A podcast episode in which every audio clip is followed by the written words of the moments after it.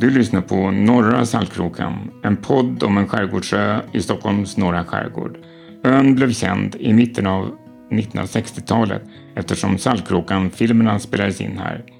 I podden ska vi berätta om Norras invånare från förr och om oss som lever och längtar dit nu.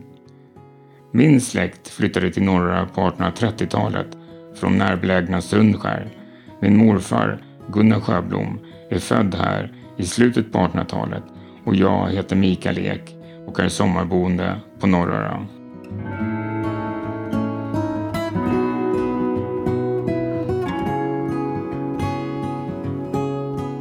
Idag sitter jag utanför vårt kapell som är byggt 1906 av Missionsförsamlingen på ön.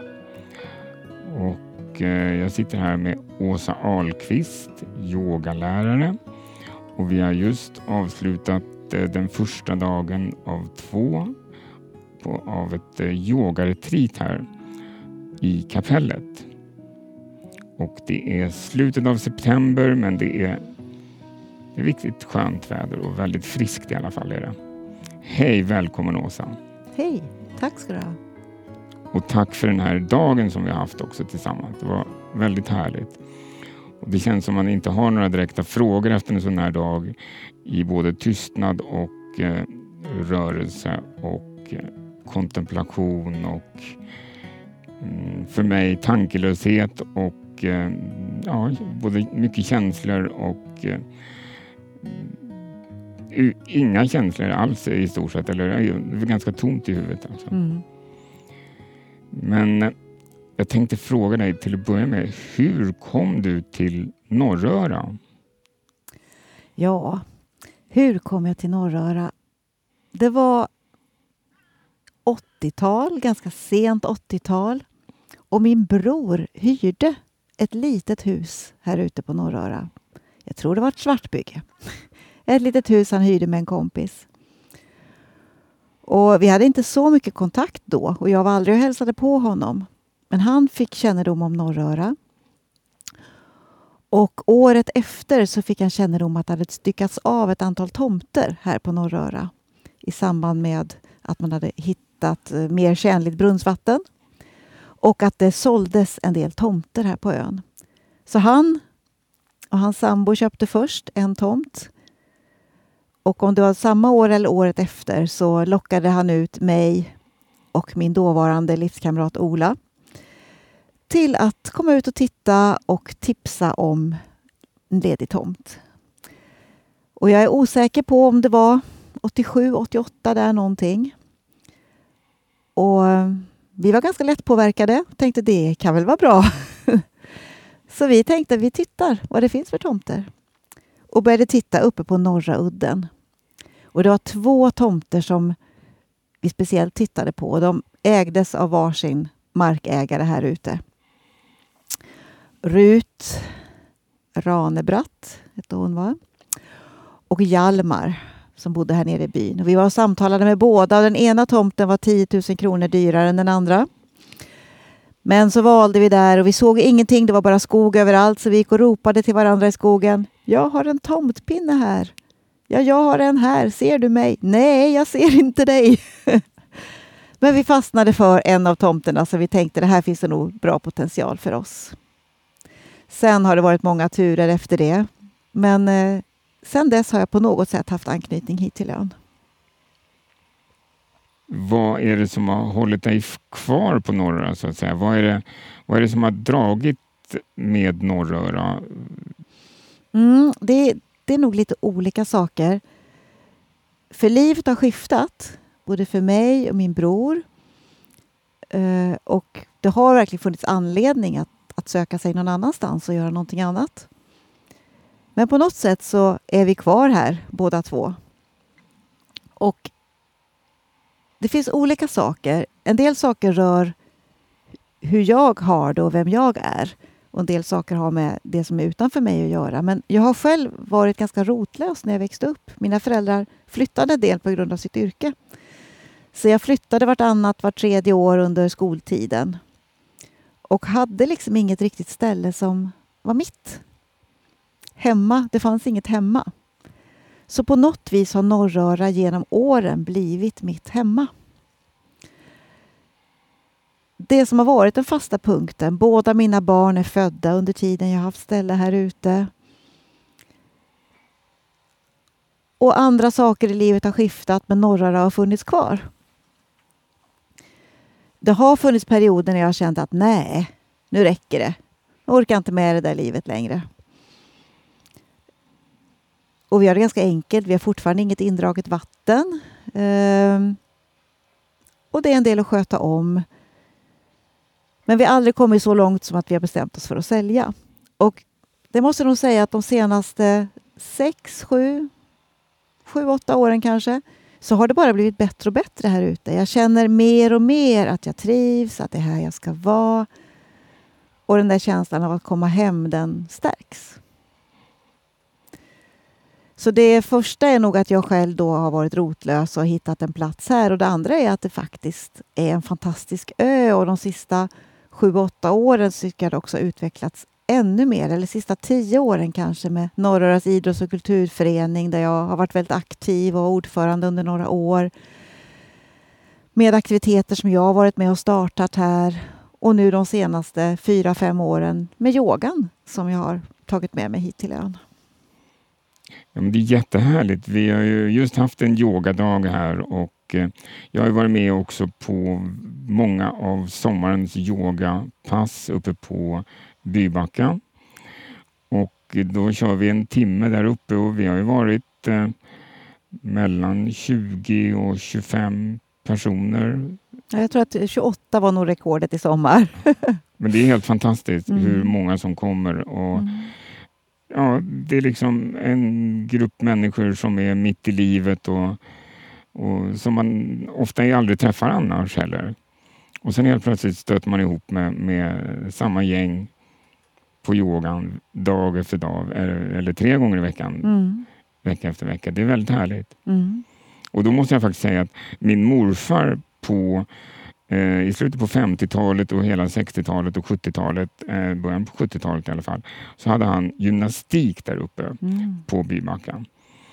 Eh, så att jag är väldigt glad att komma på dina eh, yogapass för att det känns som att precis där jag gjorde jumpa med min morfar och, och alla de här gamla damerna på ön, där kör du yoga idag. Det känns som en, en, det känns som en väldigt värdig efterträdare till min morfar och det känns väldigt härligt att, att vara på den platsen. Mm, vad, vad roligt att höra. Jag började ju faktiskt också med jumpa här ute på den tiden var jag ledare på Friskis och Svettis.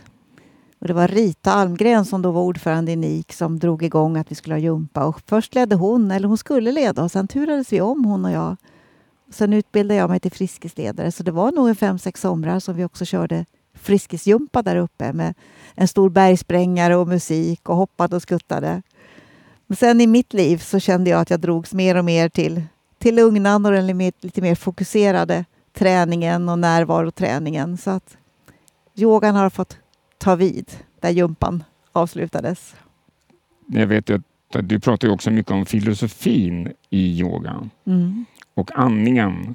Mm. Eh, vill du berätta lite om det? För det är inte bara det är verkligen inte bara, man ser ofta, det man ser i yoga det är ju rörelserna. Mm.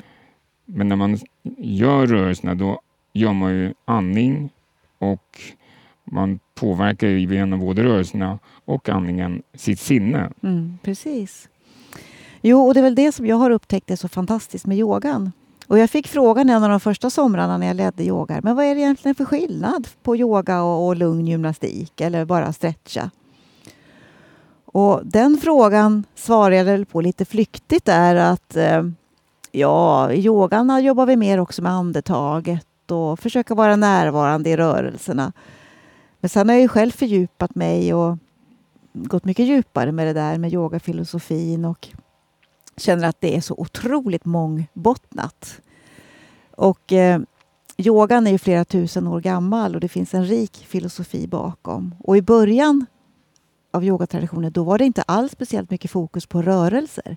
Det vi idag i den västerländska världen kallar för yoga, som vi gör på gym och som vi gör, som vi ser på Instagram och Facebook, snygga positioner. Utan det var ett sätt att kontrollera sinnet och att kunna komma ner djupt i meditation och på så sätt söka vishet, visdom. Och det fanns en, en man som hette Patanjali som skrev ner det första nedskrivna. Det har funnits en, en lång muntlig tradition innan dess, men han skrev ner någonting som kallas för Yoga Sutras. Och eh, där beskriver han yogans åttafaldiga väg. Eh, som har att göra med, med åtta olika steg i yogan. Eh, där de första två stegen handlar om livsregler. Som det finns i alla filosofier och religioner, att det finns vissa regler du ska förhålla dig till i livet. Och de där reglerna liknar varandra ganska mycket i olika traditioner. Du ska vara sann mot dig själv och andra. Du ska, du ska inte ljuga, du ska inte... Mm, icke-våld till exempel. Det är många sådana mer livs, mm, livsvisdom, hur du ska vara, hur du ska bete dig mot dig själv och hur du ska bete dig mot andra. Förbud och påbud kan man säga också. Sen så kommer de vidare här då. Det kommer pranayama som är andningsövningar. Ett sätt att kontrollera sinnet. Och att stärka lungorna, stärka kroppen. Göra så att kroppen kan tillgodogöra sig allt det syre som den faktiskt behöver på ett bra sätt. Och eh, sedan så kommer asanas som är yogaövningarna. Det vi idag kallar för yoga. Och efter det så är det några olika steg av kontemplation och meditation.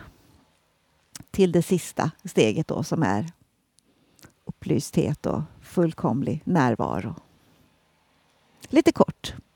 Och det här försöker jag väva in i yogan. Ibland någon livsregel som eh, ahimsa som står för icke-våld, att inte göra sig själv illa, inte tänka illa om sig själv eller andra i tankar.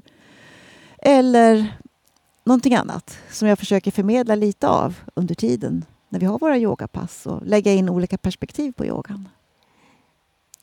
Som att vara ordförande för NIK till exempel skulle ju också kunna vara som en, eh, en SEVA, som, en, eh, som att man gör osjälviskt eh, arbete för mm. andra. Precis. Som också är yoga. Precis, det är så mycket som är yoga och som är yogiskt mm. i sitt sätt att, att vara, att leva. Man kan leva yoga. Mm. Mm. Ja, nej men precis. Det finns ju verkligen ingen begränsning. Eh, men den här rörelserna vi gör, mm. det är väldigt kraftfulla rörelser mm. för sinnet. Absolut. För att det är en sak att meditera, upplever mm. jag. Men det är en sak att meditera efter eller tillsammans med yoga. Precis. Den kopplingen. När kroppen får vara med också. Mm. Och det, det sägs ju att eh, de gamla yogisarna de gjorde just de här asanas, rörelseövningarna för att sedan kunna sitta i ro och meditera. För en rastlös kropp, ett rastlöst sinne, klarar inte av att sitta still och meditera. Men har du tränat upp kroppen att bli stark, att sitta upprätt i ryggen, att få igång flödet i kroppen eller jobbat kroppen trött i rörelser, då är det mycket lättare att, att sitta i en meditation eller ligga i en meditation. Så det, och i kombination då, vi brukar ju varva lite grann med övningar och meditation. Så att både kroppen och sinnet får sitt. Och det kan också finnas en andlig dimension av yoga. Jag brukar inte förespråka någon speciell andlighet utan jag tänker att kropp, sinne och vill du så öppnar det sig upp en stor möjlighet till en andlig dimension där du kan se vad som öppnas upp för dig. Um, men kontakt med det som är större än dig själv. Och vad du vill kalla det för, det är upp till var och en av de som yogar med mig. Om du vill kalla det Gud eller universum. Men att allting hör ihop.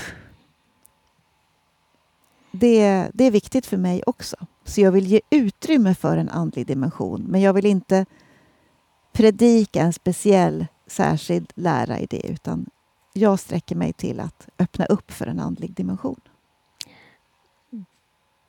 Ja, vad bra, vad fint. För att det finns väl egentligen ingen, ingen, det är ingen konfliktområde eh, mot en kristen tro eller någon annan tro heller. Utan det är en väldigt öppen, eh, öppen väg och öppen... Mm. Och det, det, är nog det som jag tycker är så viktigt. Mm. Att, att det verkligen inte får bli som en konflikt. Och jag vet att det finns människor som tillhör en, en, en, tradition som de är trygga med och som har lärt sig sanningen som kan bli lite rädda för att yogan skulle innebära att jag tillber en annan religion eller gör någonting som känns främmande. Men det är inte syftet, utan syftet är att öppna upp och sen får du själv lägga in det som är viktigt för dig i yogan. Öppna hjärtat, att bli stilla och jag kommer själv från en kristen tradition. Och eh, för mig har yogan skapat helt andra djup och insikter i den traditionen som gör att jag kan förlika mig mycket mer med den nu än vad jag kunnat förut faktiskt. Mm. för det ser vi ju här, alla de här 20, mellan 20 och 30 som träffas uppe på ängen tre gånger i veckan. Där. Det är så härligt att se alla när vi går därifrån. Det, det är som andra människor än, mm. än, än de som kom dit. Det är väldigt mycket leenden och, mm. och värme. Mm. Eh, mellan oss. Mm, och det, det är fantastiskt att öppna upp för en, en fridfull, kärleksfull plats. Och jag kan tänka, vi joggar ju ute, vilket är fantastiskt. Att ha en möjlighet att jogga ut och i år hade vi 14 tillfällen och vi klarade alla tillfällen utan regn. Och ofta i värmande sol på avslappningen. Och att trots att vi är utomhus så känns det som att vi skapar ett rum vi skapar ett, ett litet magiskt rum tillsammans. En bubbla där på midsommarängen. Som vi får tillhöra och vi får sprida kärlek och gemenskap i den bubblan tillsammans. Som förhoppningsvis vi tar med oss till våra olika platser som vi tar oss efter yogan. Mm. Mm. Och ibland sätter en röjsåg igång. Och, Precis. Och ibland, ja, men det kan ingå i den bubblan också. Det kanske. ingår och det ingår också i livet att välja vart vi vill rikta vår uppmärksamhet. För att vi har ju någon maskin här just nu.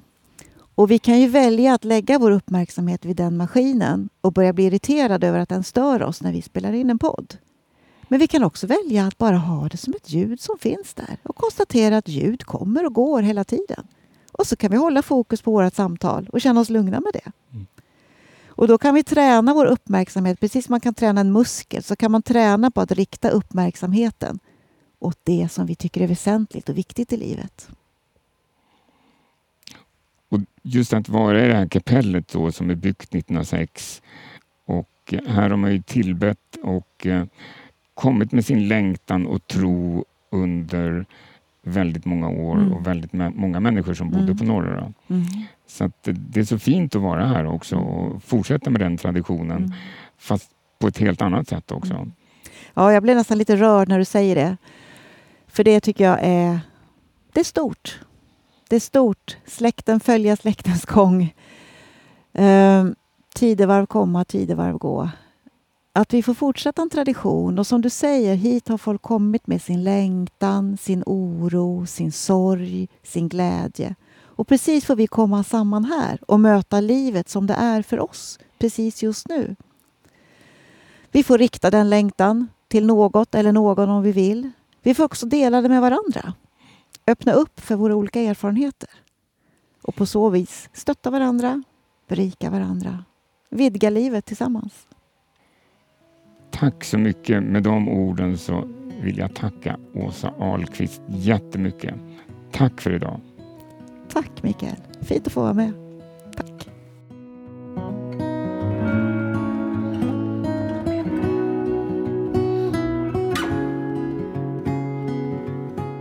Alla är välkomna att vara med på yoga på Norröra under sommaren Gå med i gruppen Sommaryoga med Åsa på Facebook så finns datum och tider. Det här var sista avsnittet i den här första säsongen av Norra Saltkråkan. Om du vill komma i kontakt med podden sök på Norra Saltkråkan-podden på Facebook. Prenumerera gärna på podden så missar du inte nästa avsnitt som kommer efter sommaren. Tack för att du lyssnat.